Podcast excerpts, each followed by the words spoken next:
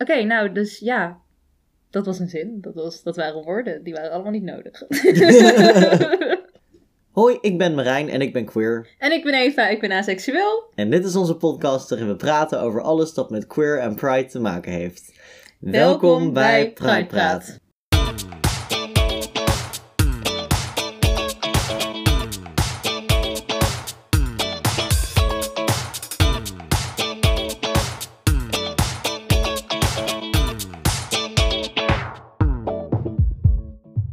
Hoi en welkom bij deze aflevering van Pride Praat. Yes, aflevering 42.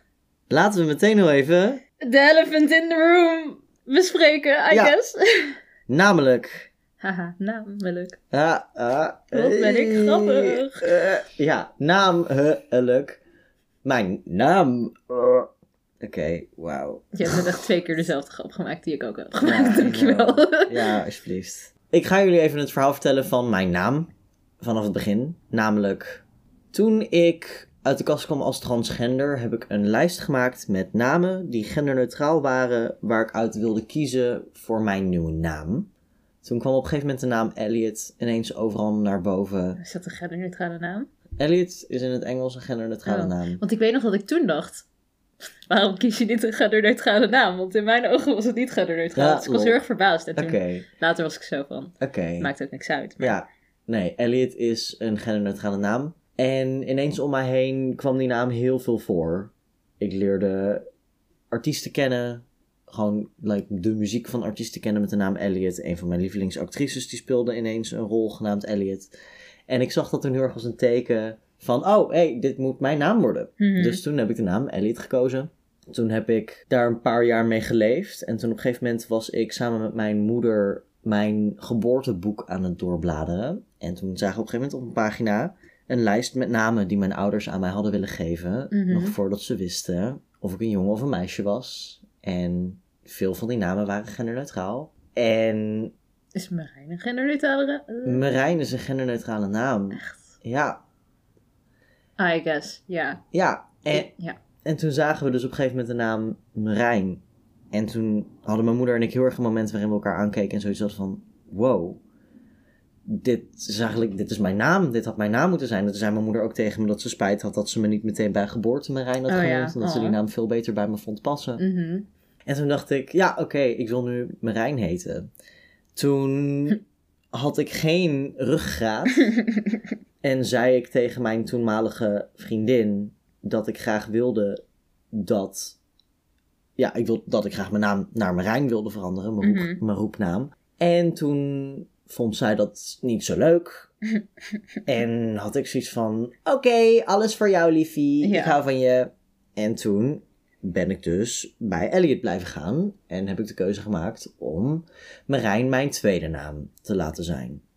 Ik weet nog toen ik mijn naam legaal liet wijzigen, dat er iets in mij een beetje pijn deed toen ik mijn naam doorgaf als Elliot Marijn. Mhm. En niet Marijn, Elliot. Mhm. Maar goed, ja, dat was toen hoe de wereld mij kende. En ik was zoiets van, sure, whatever, we doen dit. Mhm. Toen op een gegeven moment verhuisde ik naar Amsterdam. En toen dacht ik, oh hé, hey, wacht, dit is eigenlijk het perfecte moment. Want ik ga nu naar een nieuwe stad, nieuwe mensen, whatever. Nu zou ik dat kunnen doen. Ja. Toen besprak ik dat met mijn toenmalige partner. En die zei, oh, maar ik vind Elliot eigenlijk veel beter bij je passen, want het is internationaal. En ik nog steeds geen backbone dacht, oké, dan doen we het niet. Ja. Zonder na te denken over dat dat niet per se betekent dat ik mijn naam niet mag veranderen. Uh-huh. Dat zij gewoon een voorkeur uitspreekt. Ja. Maar ik in mijn hoofd las meteen, omdat ik hè, het heel moeilijk vond om keuzes te maken voor mezelf. En mezelf goed te doen. Gewoon hoorde, oké, dan doen we dat niet. Ja. mhm. Totdat ik een paar maanden geleden steeds meer over na begon te denken. En eigenlijk zoiets had van, ja, nee, wacht eens even. Ik wil eigenlijk, voel ik me niet per se fijn bij de naam Elliot. Want dat is niet uiteindelijk de naam geweest die ik heb gekozen. Ik heb nog gekozen, maar ik wilde een andere naam kiezen.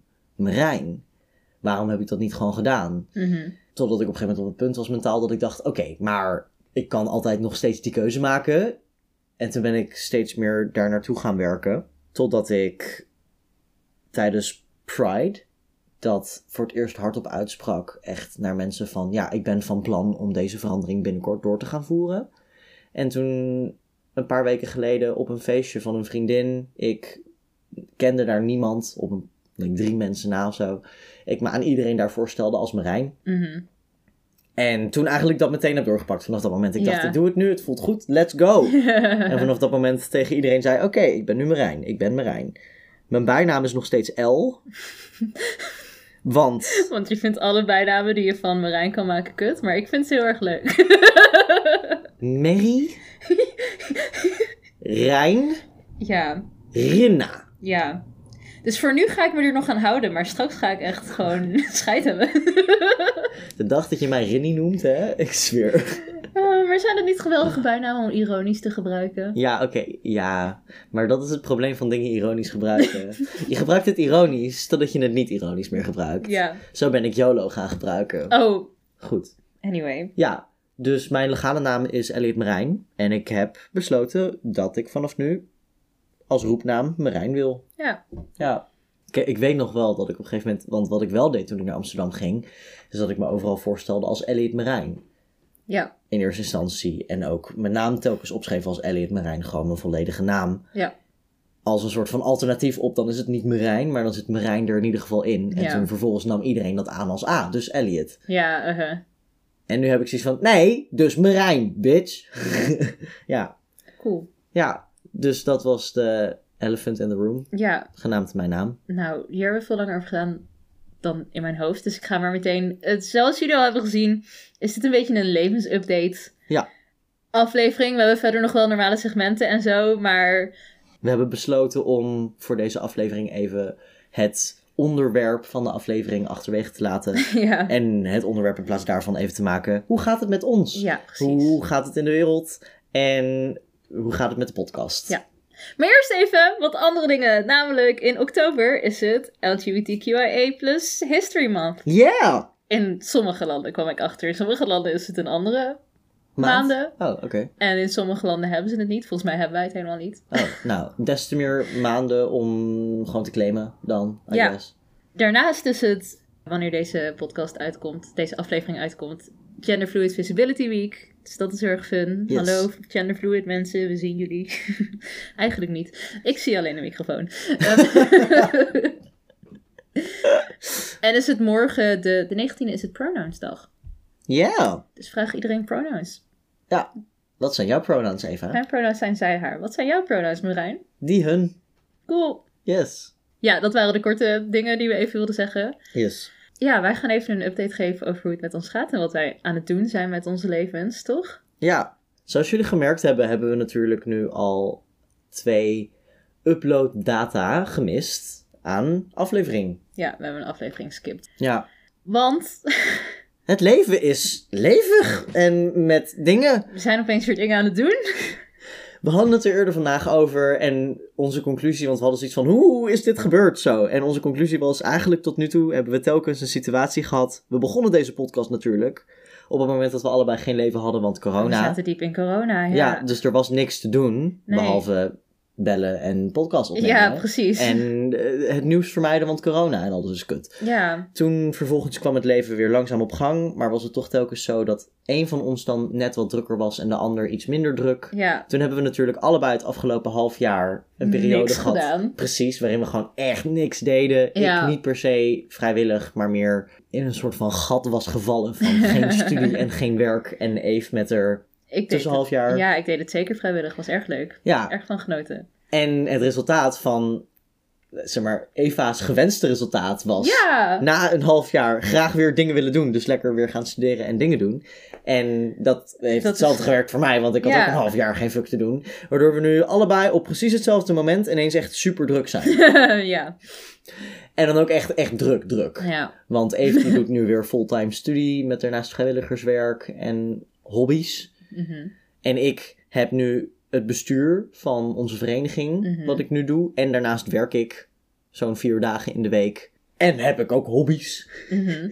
En het is nou net zo dat onze roosters Precies incompatible zijn.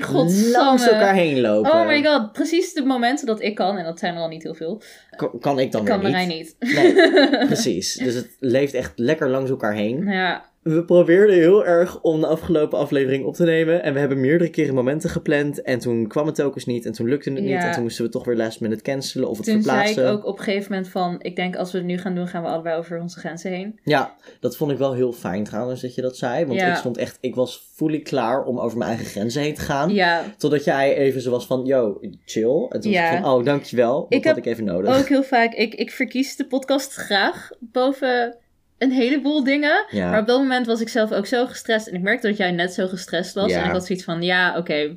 Maar zover moeten we nou ook weer niet gaan. Nee, het blijft een hobby uiteindelijk. Ja. Het blijft iets dat we doen omdat we het leuk vinden. En het is niet zo'n harde verplichting dat we ons fysieke en mentale welzijn de prullenbak in mogen jieten nee, daarvoor. precies. En ik denk ook, zeg maar, dat jullie dat niet willen, onze luisteraars. Ik kan me zo voorstellen dat, Ga ik vanuit.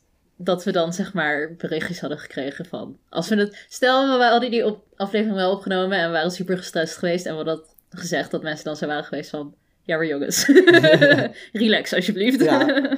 Precies. Maar goed, ja, want we zijn ineens allebei druk met levens. ja. En dat is wel heel fijn. Ik studeer opeens weer fulltime. Dat heb ik al een jaar niet gedaan. Daarnaast kwam ik er ook achter dat, hoewel ik mijn bachelor fulltime heb gedaan, ik dat niet fulltime heb gedaan. ik ben echt naar colleges geweest en dan soms niet eens trouwens. Ik ben niet vaak naar colleges geweest, maar goede, goede studenten zijn jongens. En dan kwam ik thuis en dan deed ik niks meer, tot het tentamenweek was. En nu kan ik dat gewoon niet meer. Nu moet ik opeens dingen doen. En Ja. Moet ik ook wel, probeer ik in elk geval ook wel gewoon de doordeweekse dagen van 9 tot 5 ongeveer vrij te houden om te studeren. ja. En dat ben ik heel erg niet gewend. Want vroeger kon ik dus ook gewoon podcast overal tussendoor plannen. Maar nu heb ik daar gewoon geen ruimte meer voor in mijn hoofd. Nee, begrijpelijk. ja. Ja, en Ja. wat voor mij nu ineens nieuw is, is dat ik eigenlijk nog nooit in mijn leven financieel onafhankelijk ben geweest. Oh ja. Van whatever. Ja. Like, het was ouders die voor me zorgden. Toen had ik Duo die telkens elke maand zo was van hier heb je een beurs en een Mhm. lening. Ja. En nu studeer ik niet meer en nu werk ik. En als ik niet genoeg uren werk, ik kan wel zeggen, oh ja, ik kan een dagje minder werken en dan podcast opnemen. Maar dan heb ik geen eten. Nee, precies. En vooral nu alles zo ongelooflijk duur is. Precies. Eh, ja. Heb je geld waard nodig. Precies. En het is ook, hè, dat levert ook echt oprecht stress op. Het weten, hi, ik moet genoeg uren werken, anders dan kan ik niet eten.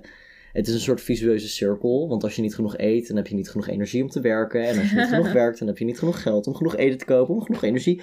Dus het is echt een ding van, like, hallo, dit is nu echt het fundamentele ding aan mijn leven, is ineens dat ik moet werken, ja. omdat ik anders niet kan leven. Ja. Ja. Eh, dat is een grote verandering. En daarnaast natuurlijk bestuur op me nemen. En normaal gesproken, want er zijn best wel veel beelden over hoe een studentenvereniging eruit ziet en wat bestuur dan is en bla bla bla. Mhm. Nou, eh, onze vereniging is echt heel klein. Ja. Dus bestuur is niet echt zo'n fulltime job. We hebben verenigingen, ons bestuur. Wij zijn laatst langs gegaan bij andere besturen van andere verenigingen in Amsterdam. Je hebt echt besturen die zitten gewoon de hele week van 9 tot 5 gewoon op kantoor Holy bestuur te doen. Ja, Studeren die is ernaast? echt, nee, die hebben gewoon basically, basically nemen dan echt gewoon een niet. tussenjaar Ja, die nemen echt een tussenjaar ervoor. Ze staan wel ingeschreven, maar ze krijgen gewoon studievertraging. Ja. Omdat ze bestuur gaan doen. Hier is dat niet zozeer het geval, maar ik ben wel secretaris, wat betekent nieuwe leden. En het is wel introperiode, wat betekent hallo, ik ben druk. Ja. En wat ik echt heb gemerkt, is dat ik nog steeds elke keer, als ik een paar uur niet op mijn telefoon heb gezeten en ik pak mijn telefoon, dan Oh, heb ja. ik minimaal drie appjes over bestuursgerelateerde dingen. Mhm. En het is veel. En Ja. als ik daarnaast moet ik ook in mijn vrije tijd, want ik kan natuurlijk ook wel appjes, maar soms dan zijn het dingen die ik dan naar later moet verschuiven of die ik moet checken of moet regelen en dan moet ik Mhm. dit doen en dat doen en als ik dat moet ik plannen en als ik daarnaast dan ook nog een podcast moet plannen en daarnaast ook nog oh ik moet ook een stuk regisseren moet ik Ja. ook plannen en oh en het is zoveel Ja. En ik wil ook nog daarnaast you know slapen Ja. en hobby's hebben. Ja. Ik had voor het laatst, voor het eerst, dat was echt hilarisch. Er is dus, ik heb wel heel vaak zo'n meme voorbij zien komen op Instagram, echt jarenlang, van... Als een student heb je drie dingen en je kan ze niet Oh, alle drie God, hebben. ja. Dat is goede cijfers, een sociaal leven en slaap. Ja. Dat zijn drie dingen, je kan ze niet alle drie hebben. Ja. Ik heb dus laatst gemerkt, dat is waar. Ja. Want ik probeerde tegelijkertijd, en dan goede cijfers is voor mij niet goede cijfers, maar werk. En Mhm. dus genoeg geld. Ja. voor mij was het een. Ik probeerde tegelijkertijd genoeg slaap te hebben. En te werken. Mhm. En uit te gaan en een sociaal leven te hebben. Wat ervoor zorgde dat ik twee weekenden achter elkaar negen uur heb geslapen in een heel weekend. Oh mijn god. Dus geen Ja. slaap had. Uh-huh. En toen ben ik ziek naar huis gegaan op werk. Ja. Want ik stortte in, want ik had geen slaap gehad. Ja, wat ik ook zo heftig vind is, zeg maar, die drie dingen zijn nog één ding. En ik probeer ze allemaal een beetje wel vol te houden. Alleen, jouw cijfers vind ik niet heel belangrijk als Ja. het maar voldoende is. Maar wat bij mij heel erg wegzakt, is voor mezelf zorgen daarna. Mm. Zeg maar, Mhm. wanneer de fuck heb ik tijd om op te ruimen? Ik snap het gewoon niet meer. Ik begon met studeren en mijn kamer werd meteen een zooi. En wat het moeilijke is, is dat ik een heel goede routine had om wel gewoon dagelijks op te ruimen en af te wassen en alles in Ah. Ja. de vakantie en een paar een tijdje daarvoor omdat ik toen vrij was en nu heb ik echt gewoon zoiets van wanneer heb ik tijd om dat te doen? Hoe doe je dat? Hoe hoe houden mensen hun kamer netjes en schoon en zo en doe je de was op tijd en zo en Ja. dagelijks echt ik nou ja je doet de was niet dagelijks maar andere dingen het is Mhm. echt ik moet even weer opnieuw uitvinden hoe ik alles indeel en leef en Ja. zo. En daarnaast ook nog nadenken over dat je moet eten en dat je dus moet ja, koken. En dat dat, kost je dan ook tijd. naar de supermarkt moet. Dat kost ook en dan tijd. En dan heel hard huilen om alle prijzen. Dat kost Ja, ook tijd. Precies. En dan vervolgens ook bedenken wat je wil eten. En dan niet vijf keer in de week pizza, want dat is niet gezond. Dus je moet ook, weet je wel, letten op je dieet. En dan moet je ook nog koken.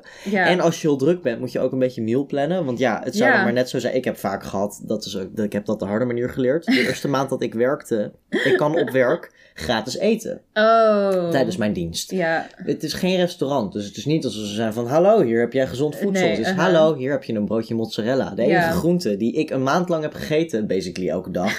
was drie plakjes tomaat per ja. dag. uh-huh. Ja, ik was niet heel gezond. Ik Ja. voelde het ook fysiek. Het ging niet goed op die manier. Want ik at niet goed. Nee, uh-huh. Want ik dacht, oh, ik kan gratis eten op werk. Nu ben ik dus daarvan afgestapt en denk ik, oké, al werk ik rond etenstijd, ik neem mijn eigen eten mee. Mhm. Maar dan moet ik dus ook meal plannen. Wanneer moet ik dat Ja, dan maken? precies. En zorg ik ervoor dat ik niet te veel heb. Want als ik te veel heb, dan moet ik het weggooien. En dat vind ik Ja. zonde, want het is allemaal zo duur. Uh-huh. Eh. En, en ik heb ook altijd zoiets van... Ik kan wel leuk plannen van op die dag ga ik dat koken. Maar ik moet er ook wel de energie van hebben. Ik heb heel vaak... Dan Ja. zit ik gewoon 9 tot 5 op de unie. Ja. Dan kom ik thuis en heb ik echt geen zin meer om nog iets ingewikkelds te maken, weet je wel. Dus dat Nee. moet je ook nog helemaal bedenken van...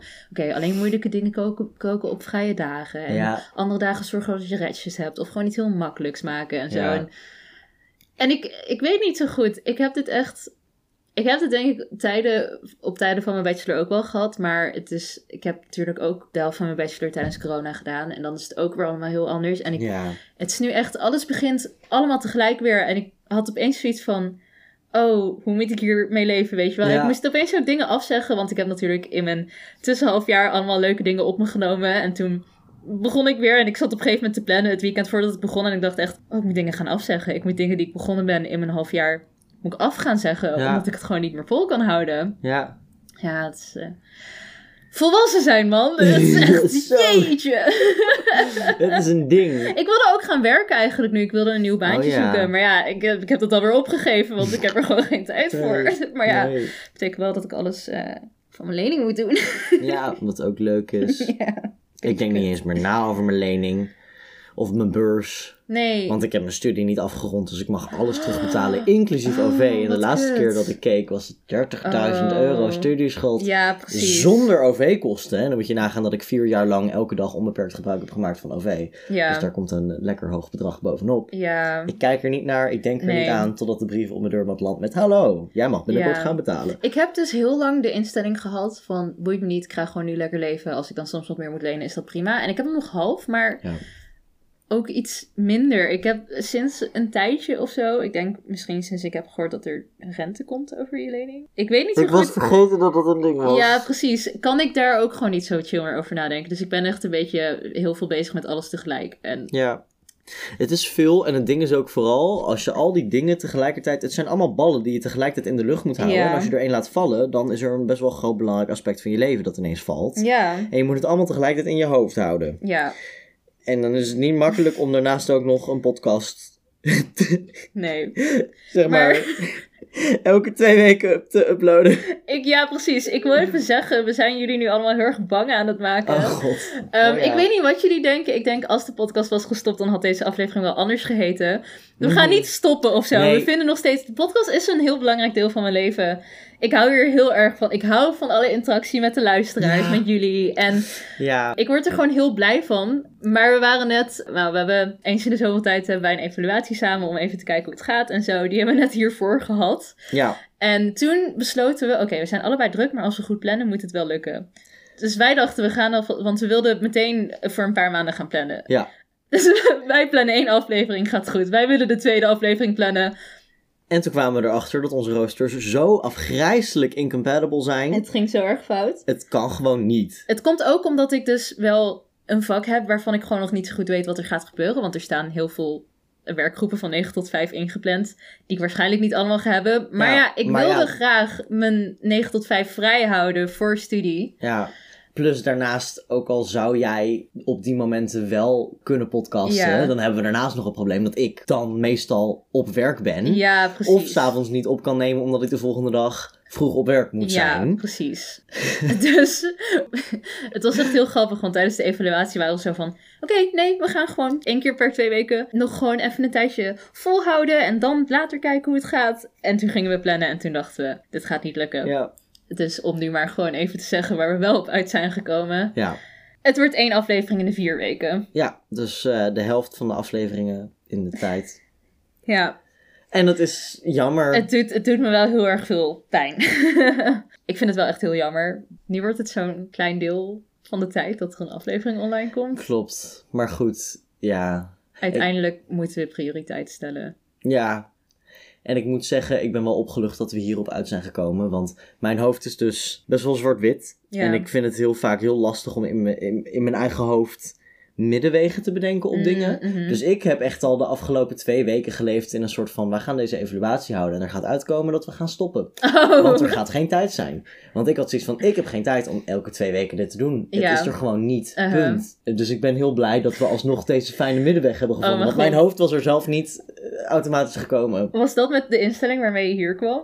Holy shit, dat had ik niet toegestaan. Nee, maar dat I heb know. ik ook een paar keer gezegd, denk ik, van ik wil hier niet mee stoppen. Nee, precies. En dat wil ik ook niet. Dus ik was, en ik, zeg maar, het was de instelling waarmee ik hier naartoe kwam, half. Omdat ik al wel half een soort van het, het opstapje had gemaakt naar, oh wacht, nee, er zijn middenwegen. Er zijn middenwegen, Ja. er zijn middenwegen. Ja, Welke middenwegen had ik nog niet helemaal, maar nee, ja. ja, Maar daar, daarvoor ben gelukkig. ik dan. Ja, precies. Ja. Ja, Ik heb echt het gevoel dat we zeg maar al jaren deze podcast aan het doen zijn. En nu heel heftig nieuws aan het brengen zijn van oké, het lukt niet meer. Maar het valt eigenlijk best wel mee. we hebben hem, als je kijkt naar wanneer we zijn begonnen met opnemen, al bijna twee, jaar. Ja, dat is wel waar. Dus dat is wel ik vraag me gewoon af. Ik heb het gevoel dat ik een heel serieus eh, eh, eh, statement aan het maken ben om even... Ik weet niet, zeg maar alsof we de Try Guys zijn. zeg maar, misschien ook omdat ik deze week in die drama heb geleefd. Maar ehm, zeg maar alsof we zoiets aan het doen zijn. Ook omdat, omdat we heel erg over onze eigen levens aan het praten zijn. Niet Oh, gerelateerd aan queer dingen. Ja. Omdat het gewoon een hele andere queer, soort- ja, dus onze klopt. levens zijn altijd gerelateerd aan queer dingen. Maar, Maar omdat het een heel, heel ander soortige aflevering is. Ja. zoiets van, Fair. het klinkt wel heftig. Misschien is het allemaal niet zo heftig. Maar Nee. dit is dus concreet wat we gaan doen. We gaan naar één keer in de vier weken. Ja, Op dinsdag om drie uur. Dat blijft lekker hetzelfde. ja. Wat wel hetzelfde blijft aan deze aflevering, ondanks dat we niet verder een onderwerp hebben, zijn de segments. We beginnen met labels. Ja, ik heb labels. Jij hebt labels. Ik heb labels.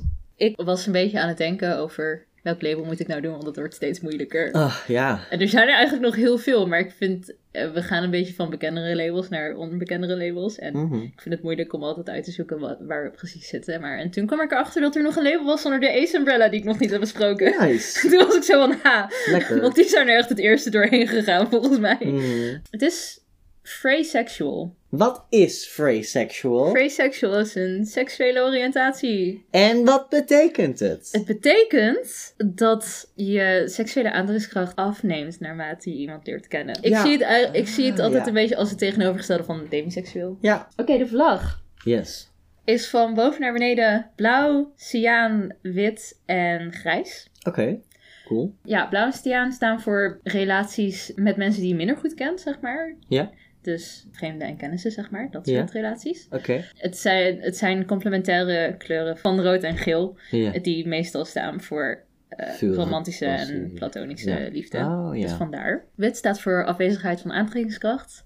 Mhm. En grijs staat voor de grijze area of de verwarring. Oh. Wanneer je geconfronteerd wordt met vrij seksuele of vrij romantische gevoelens. Ah, dat vind ik wel een mooie om die erbij te betrekken. Ja, Ja, want ik kan me inderdaad voorstellen dat op het moment dat je niet weet dat dit een ding is. het lijkt me Maar- verwarrend. Ja, precies. Het lijkt me heel heftig in eerste instantie de eerste keren dat je dat meemaakt zonder te weten hoe of wat. Dus dat. Nice. Dat was labels. Cool. Dan gaan we door naar het vraagsegment. Ja, ik heb een vraag Ja. voor het vraagsegment. De vraag die ik heb gehad is: Wat heb je daar? en de daar refereert naar, letterlijk wijst naar mijn kruis. Ja. Dat is de vraag. Ja. Context? Ja. Context. Ik ging samen met een vriendin shoppen voor lingerie, want we zouden samen een lingerie fotoshoot gaan doen. Hebben we ook gedaan, was fantastisch. Oh my god, ik ben zo sexy. Wij stonden volgens mij in de Primark of de H&M of whatever. Mhm. Goedkope lingerie te scoren, Ja. want hè, het is toch maar voor een fotoshootje. En er kwam op een gegeven moment een jongen naar mij toe. Tiener jongen. Hij stond al een tijdje met wat vrienden een beetje te dralen bij ons in de buurt. En ik had al een paar keer het gevoel dat hij probeerde om me aan te spreken. Mhm. Maar het niet helemaal deed. Mhm. Toen op een gegeven moment ging hij naast me staan en toen zei hij meneer of mevrouw? En toen zei ik, geen van beide, allebei, maakt me niet zo uit.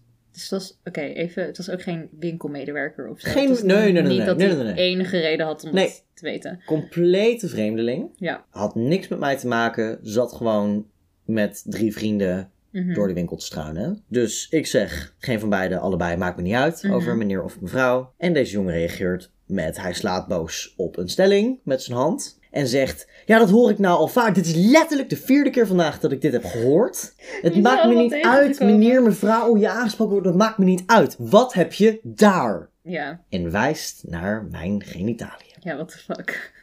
Mag ik even... Deze man heeft Man, dus- sorry. Ja, deze guy heeft dus meerdere keren die dag mensen aangesproken om te vragen of ze meneer of mevrouw waren. Als ik hem mag geloven, ja. Maar also, ik denk dat hij aan het overdrijven was. Ik denk dat het punt dat hij probeerde te maken is iets van... Oh, ik zie dit vaker de laatste tijd. Eh, Ja. Mhm. I don't care dat je het vaker ziet. Ik zie het elke dag als ik in de spiegel kijk. Ja, de reden dat je het vaker ziet is omdat je schijnbaar mensen aanspreekt. Ja, Maar goed, dat terzijde. Maar goed. dus, hij vroeg heel leuk, wat heb je daar? En wijs naar mijn genitaliën. Gaan we hem nu een cijfer geven? Ja. Goed. Nou, jij mag beginnen. Ja, het wordt natuurlijk een super laag cijfer. Maar mag ik wel even zeggen dat hij wel als een van de weinige mensen daadwerkelijk heeft gevraagd wat hij wilde vragen. Als in heel vaak vragen mensen dingen en dan komt het daarop neer, maar dan vragen ze het niet. dus het wil niet zeggen dat het goed is, maar ik vind het wel gewoon grappig of zo. Ja, Ik vind het ook grappig dat hij begon met de vraag meneer of mevrouw. Ja, dat is zoiets anders. Nee, maar dat was dus het ding, want hij vroeg niet, of hij vroeg niet letterlijk ben je een meneer of een mevrouw, maar hij wilde me aanspreken, dus hij zei meneer. ja. En toen was hij van, of wacht, mevrouw. Oh ja. Dus hij, hij probeerde zichzelf te verbeteren en op die manier clarification te krijgen. En toen zei ik tussen van, geen van beide, allebei boeit me niet hoe je me aanspreekt. Oh, wacht, wacht, wacht. Betekent dat dat hij in eerste instantie naar je toe kwam om iets anders te vragen dan wat zijn genitaliën? Eh, nee, ik denk dat hij in eerste instantie naar mij toe kwam om te vragen, inderdaad. Want, het punt ja. wat jij net zegt, inderdaad, is hè, van hij vraagt wel wat hij wil vragen. Terwijl Ja. de meeste mensen eromheen draaien. Ja. En ik denk dat hij in eerste instantie of er inderdaad omheen probeerde te draaien door Mhm. meneer slash mevrouw. Ja. En anders wellicht iets ging vragen over wat doe je op een lingerieafdeling ja, of zo. ja. Maar Ja. ik Wat ga doe er niet jij op een lingerieafdeling? Ik ga er niet van uit dat het verder gepast Zou zijn. nee, dat zal wel niet. Oké. door de rest van de toon van het gesprek. Ja, ik denk dat ik het gewoon een 1 of zo geef. Ja, same. Ja, Gezellig. Wat, eh, wat, wat, wat is er toen gebeurd? stilte.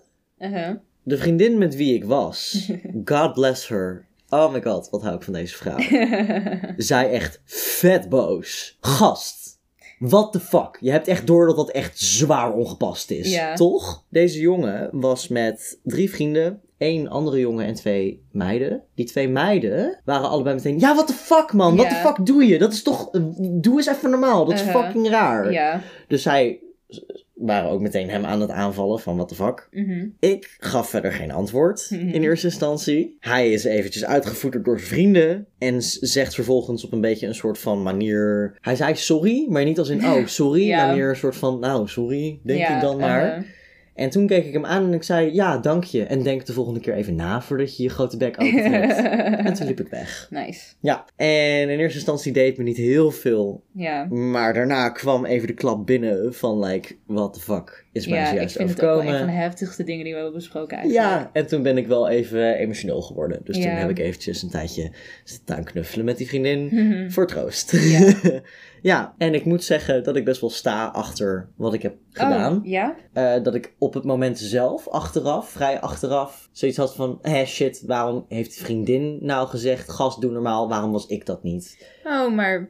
Ja. Maar nu heb ik ook zoiets van... Nee, want ik was gewoon echt gechoqueerd. Ja, precies. Ik was gewoon echt gechoqueerd. Mhm. Ja, en, en vaak bespreken we natuurlijk ook nog hoe je de vraag beter zou kunnen stellen. Maar dat is niet echt van toepassing hier, denk ik. Eh, hoe je hem beter zou kunnen stellen, is door hem niet te stellen. Precies. Je om te draaien en mind your own goddamn Ja, business. godsamme. Ja, Ja. ja. Ja. Maar ik snap niet... ik snap niet waarom mensen zo geïnteresseerd zijn in wat andere mensen in hun broek hebben. Nee. Wat ik wel heel fijn vind, wat ik ook even wil noemen, want ik heb dit onderhand, ik heb dit onderhand met heel veel van mijn vrienden besproken, dat dit is gebeurd. Als Mhm. een soort van, hè, ook met de huidige discussie die er is rondom de transgenderwet en het feit dat ik me niet heel erg fijn en veilig voel, eh, bestaande als ik ben als transgender persoon. Mhm. Heb ik het hier met heel veel mensen over gehad en noemde ik dit telkens als voorbeeld van, dit zijn de dingen die ik meemaak. Dit Ja. is gewoon harassment. Mhm. Terwijl ik gewoon sta te shoppen, Ja. word ik gewoon harassed Ja. Als jij als cispersoon een random... Stel een random tienerjongen zou naar jou toe lopen en zou jou de vraag stellen, wat heb je daar zitten? Mhm. Dan zou dat meteen gezien worden als sexual harassment. Mhm. Maar ik ben transgender, dus is dat minder. Ja. Ja, goed. Anyway, dat was vragensegment. Ja. Dan gaan we nu door naar Adviesbureau. adviesbureau. Voor de eerste keer. Ja, ik wil Ja. graag beginnen met sorry zeggen. Hoi, we gaan straks je advies bespreken. Dus eh, misschien heb je dan pas door wie je bent. maar je hebt ons al echt best wel lang geleden gemaild. Ja, En we hebben nog steeds een antwoord in onze concepten staan. We wilden eigenlijk meteen antwoorden, maar het duurde een tijdje voordat we een goed moment vonden om het in de podcast te bespreken. ja, En we hebben allebei halve adviezen in een conceptmail staan en die nooit verstuurd omdat we geen, omdat het de hele tijd we vergaten om terug te schrijven. Ook opnieuw onze levens werden opeens heel druk. ja, Maar ja, dat, eh, het is heel stom van ons. Sorry. ja. En ik weet niet of je er nog iets aan hebt, maar hier komt in elk geval ons advies. Ja, Wat deze persoon vroeg is, deze persoon zit ergens op het aromantische spectrum en is vorig jaar voor het eerst verliefd geworden op iemand. Ja, die leerde een, een leuk persoon kennen op een feestje en de dag daarna werd hij dus wakker met deze nieuwe intense emotie. Dat was in september. In november heeft hij diegene opnieuw gesproken. En toen was hij er zeker van dat hij verliefd was. Alleen toen heeft hij niks gedaan met dit gevoel. Omdat hij heel erg. Nou ja, het is super heftig. Dat kan ik me wel voorstellen. Het lijkt Ja. me ook fucking raar als ik nu opeens verliefd zou worden. Mm. En terwijl het is sowieso al heel erg heftig, weet je wel. ja. Oh ja, als iemand die vaak zat verliefd wordt op mensen. Ja. Maar uiteindelijk heeft die persoon dus die andere persoon niet meer gezien. Mhm. Alleen zijn die vermoedens, gevoelens er eh, niet minder op geworden. Ja. Dus zit die persoon nu te overwegen om contact op te zoeken. Alleen weet hij niet zeker of het raar is. Daarnaast zei hij ook dat de angst speelt dat gezien aromanticiteit... ehm, dat hij bang is dat hij niet meer zulke gevoelens zal ontwikkelen voor iemand. Ja. Dus dat. We gaan vanaf nu al even, om het wat makkelijker bespreekbaar te maken, deze twee mensen nepnamen geven. Oké. Aromantisch spectrum persoon die ons om advies vraagt, noemen we vanaf nu even Sam. Ja. En persoon waarvoor Sam gevoelens heeft ontwikkeld, noemen we even Noah. Yes. Yes. Oké, wat is het eerste dat je dacht toen je dit las? Het eerste wat ik dacht toen ik dit las. Dat is lastig, want het is lang geleden. Nogmaals, sorry. Ja, ja.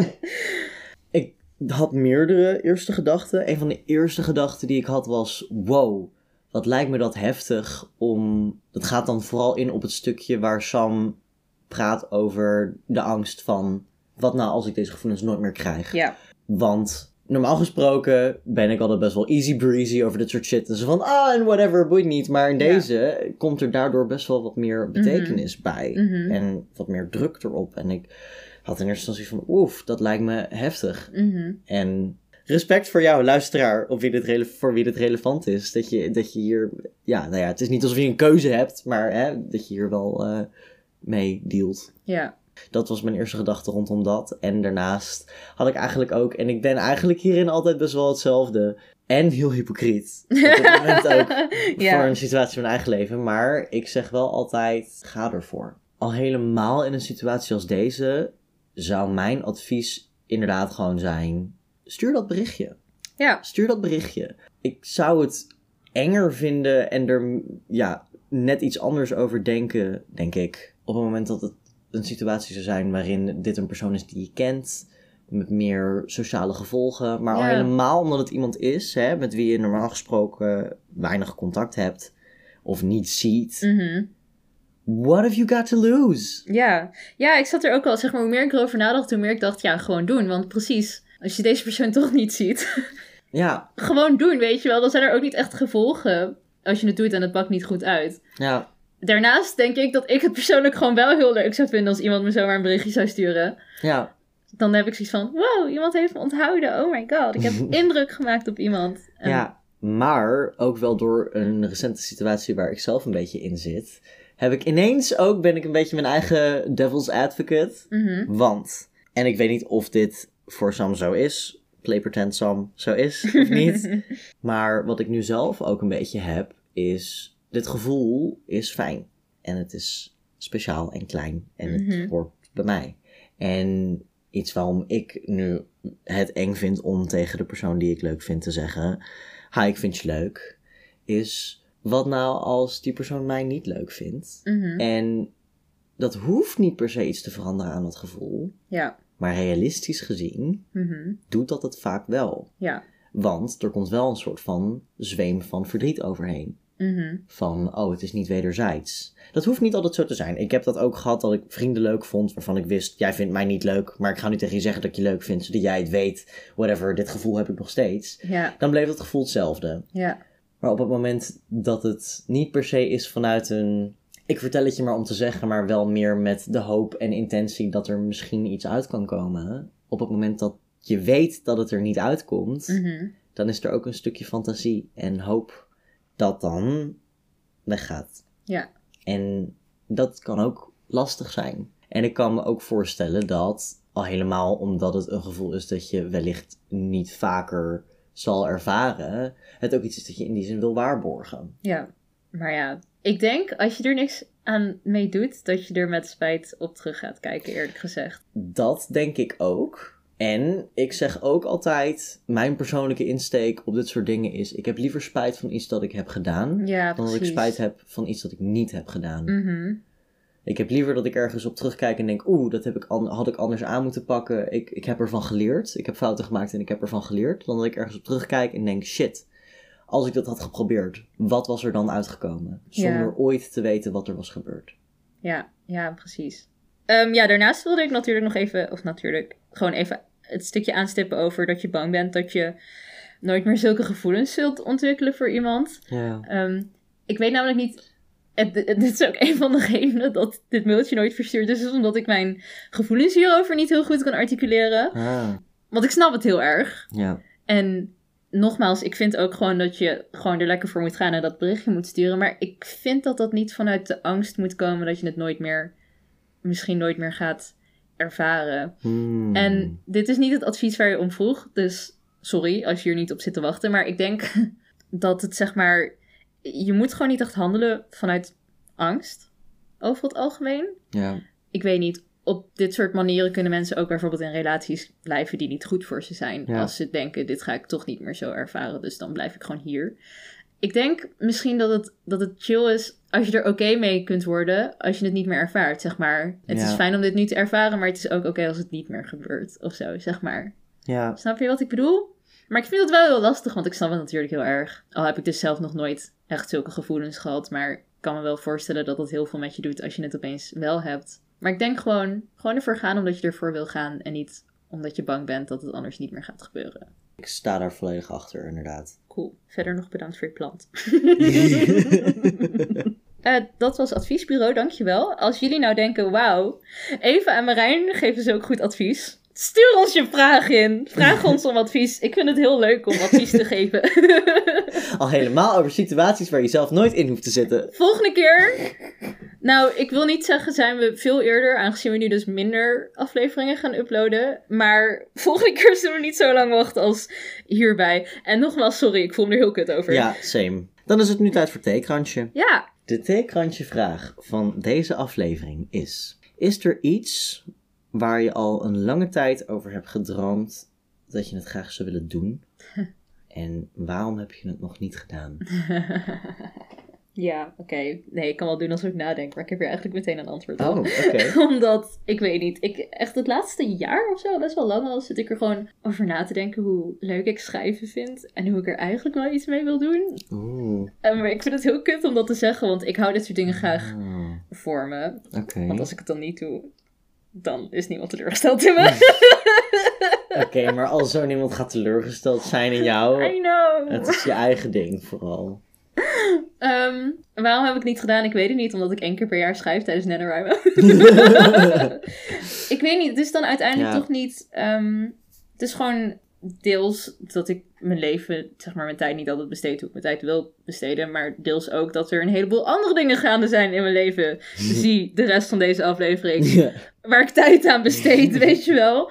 Ehm, maar ja, ik weet niet. Soms denk ik dat ik er misschien wel wat serieuzer bezig wil zijn, mee wil zijn. Maar ja, dan is dat weer een gedachte en dan gaat hij weer weg. En dan weet ik niet zo goed hoe ik dat zou moeten doen. Want ik kan gewoon heel slecht plannen, zeg maar. Ik kan niet zeggen, Mm, oh, elke dag als ik opsta ga ik eerst schrijven. Of weet ik veel, elke dag voordat ik ga slapen. Of ja. iets dat elke dag of elke week of zo ja. in de zin heeft. Dat werkt gewoon niet bij mij. En ik weet dus daarom niet zo goed hoe ik gewoontes en dingen moet implementeren in mijn leven. Ja. En dat is ook wel gewoon een grote reden dat ik het niet doe. En daarnaast, ja, ja zit het, het zit gewoon niet in mijn systeem. Maar ik wil wel, ik wil graag in november mijn boek af- afschrijven. Mm. Waar ik mee bezig ben. Al twee jaar. en dan daar weer mee doorgaan, want ik ben daar heel enthousiast over. En dat gaat, het zo- heeft ook een asexueel hoofdpersonage, dus dat is cool. Nice. Ja, en het grappige is dat ik zeg maar dus die fantasy uitgeverij heb gevonden. En die heeft ook nog een heel in Nederlandse fantasy uitgeverij. En dat heeft een hele aparte sub-uitgeverij voor debuutschrijvers. Oh. En ehm, ze zijn op die site gewoon eens van: hallo, stuur je manuscript maar in. En het typische is dat ik nu dus op dit moment heel erg veel passie voel voor mijn contemporary. Terwijl ik Oh. bijna altijd fantasy schrijf. Oh. En nu, nu, nu heel erg met de contemporary bezig ben. Maar ik hoef het niet per se uit te geven, weet je wel. Dat zou gaaf zijn, maar ik wil gewoon een keertje iets afmaken. En ik schrijf ze nu en dan wel mijn eerste draft af, maar ik ben nog nooit verder gekomen dan dat. Ja. Dat zou ik graag willen doen. Ja. Dus dat eigenlijk een beetje. ja.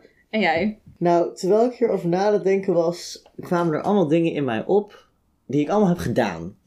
Wat leuk! Zoals stoppen met studeren, naar Amsterdam verhuizen, mijn naam veranderen. Dat zijn allemaal dingen waar ik over na heb gedacht. En vervolgens dacht, ja, fuck it, we gaan het gewoon doen. Mhm. En ik denk dat dat best wel een beetje is hoe ik ben gaan leven de afgelopen jaren. Ja. Vanaf het moment dat ik op een gegeven moment doorhad... hé, hey, wacht, ik heb nu jarenlang geleefd in een soort van andermans plaatje... van wat mijn leven moet zijn. Mhm. Dat wil ik niet meer. Ik ga nu mijn eigen leven, mijn leven maken. Mhm. Vanaf dat moment ben ik eigenlijk steeds meer... Gewoon als ik dacht, oh, eigenlijk wil ik dit nu gaan doen. Ben ik dat gaan doen? Net als bestuur. Ik dacht, oh, sure, Ja, waarom uh-huh. niet bestuur? Nu ben ik bestuur. De enige dingen die, waar ik nu mee rondloop, waarvan ik zoiets heb van, oeh, dat zou ik willen doen, maar dat doe ik niet. De enige twee dingen die ik kan bedenken. De eerste is reizen. Mhm. Antwoord is geld. Mhm. Ja, heel straightforward. Maar ja, zolang ik geen geld heb, kan ik niet zoveel reizen. Mhm. Daar komt verandering in, want ik verdien nu geld. Dus hopelijk kan ik weer gaan sparen, zodat ik weer een keer op vakantie kan naar een leuke plek. Tweede ding is, en dat is wat breder, en dat gaat over mensen die ik in mijn leven heb gehad in. Het verleden, waar ik nu geen contact meer mee heb. Om wat voor reden dan ook. Mhm. Sommige mensen, dat zijn mensen met wie ik vroeger bevriend was, wat een beetje is uitgedoofd. Sommige zijn familieleden, waarmee ik om heel andere reden geen contact heb, waar ik veel nadenk over het weer starten van contact. Oh ja. En dan niet per se, want ik heb bijvoorbeeld één heel specifieke vriendin. Zij was mijn beste vriendin de eerste jaren van de middelbare school. En een gegeven moment zijn we echt met een knal uit elkaar gegaan. En daar heb ik spijt van. Niet spijt in de zin van, ik had dat toen anders aan moeten pakken. Omdat ik zie dat ik op dat punt in mijn leven niet in staat was tot Mhm. anders aanpakken. Ja. Maar wel dat ik nu terugkijk en denk, oh, hm, oké, ik was echt afgrijzelijk naar haar toe. Mhm. Zij, heeft, zij verdiende beter. Ja. En dat ik gewoon graag een keer mijn excuses aan haar aan zou willen bieden. Ja. En de reden dat ik dat niet doe, is omdat ik bang ben om het te doen. En de ander, de familieconnectie, is gewoon, het is lastig. Mm. Het is zo'n ding van, dan is het altijd in, in je achterhoofd, of in ieder geval bij mij altijd in mijn achterhoofd. Van, ja, en wat nou als we dit niet goed maken voordat een van ons twee sterft? Mm, mhm. En de spijt die daar dan bij zou komen kijken. En aan de andere kant ook wel het respect dat ik heb voor mezelf. En daarin proberen te werken binnen mijn eigen grenzen. Ja. Ja, maar ik vind het wel leuk om te merken dat ik over het algemeen in acties en hoe ik leef, met dingen waarvan ik zit van, oh, dit wil ik doen, zo wil ik Mhm. mijn leven veranderen. Dat ik Ja. dat wel gewoon binnen afzienbare tijd doe. Maar kijk, wat daar, ik daar moeilijk aan vind. De voorbeelden die jij noemde waren beslissingen die zeg maar. Ja, tuurlijk, daar doe je even over om het te nemen. Maar dan doe je het en dan is het klaar. Ja. Ik wil mijn leven vaak veranderen met dingen die ik moet blijven doen. Mm. En dat vind ik, dat, dat vind ik zo moeilijk. Ja. Ja, Net zoals bijvoorbeeld schrijven, dat kan ik niet één keer doen en dan ben ik klaar. nee. Maar ook gewoon, I don't know, meer bewegen, beter eten, Ja, meer hobby's uitoefenen. ja. Dat was Steekrandje. Dat was steekkransje. En ook daarmee deze wat ongebruikelijke aflevering van Pruitpraat. Ja, ik hoop dat jullie het nog steeds leuk vonden. Laat ook maar weten trouwens. Of jullie, want zeg maar, normaal hebben we het gewoon heel erg over een onderwerp. Maar als jullie het ook leuker vind, leuk vinden om zeg maar specifiek over ons meer dingen te weten. Of dit soort dingen. Ja. Nu was het ook heel erg over help, tijd en zo.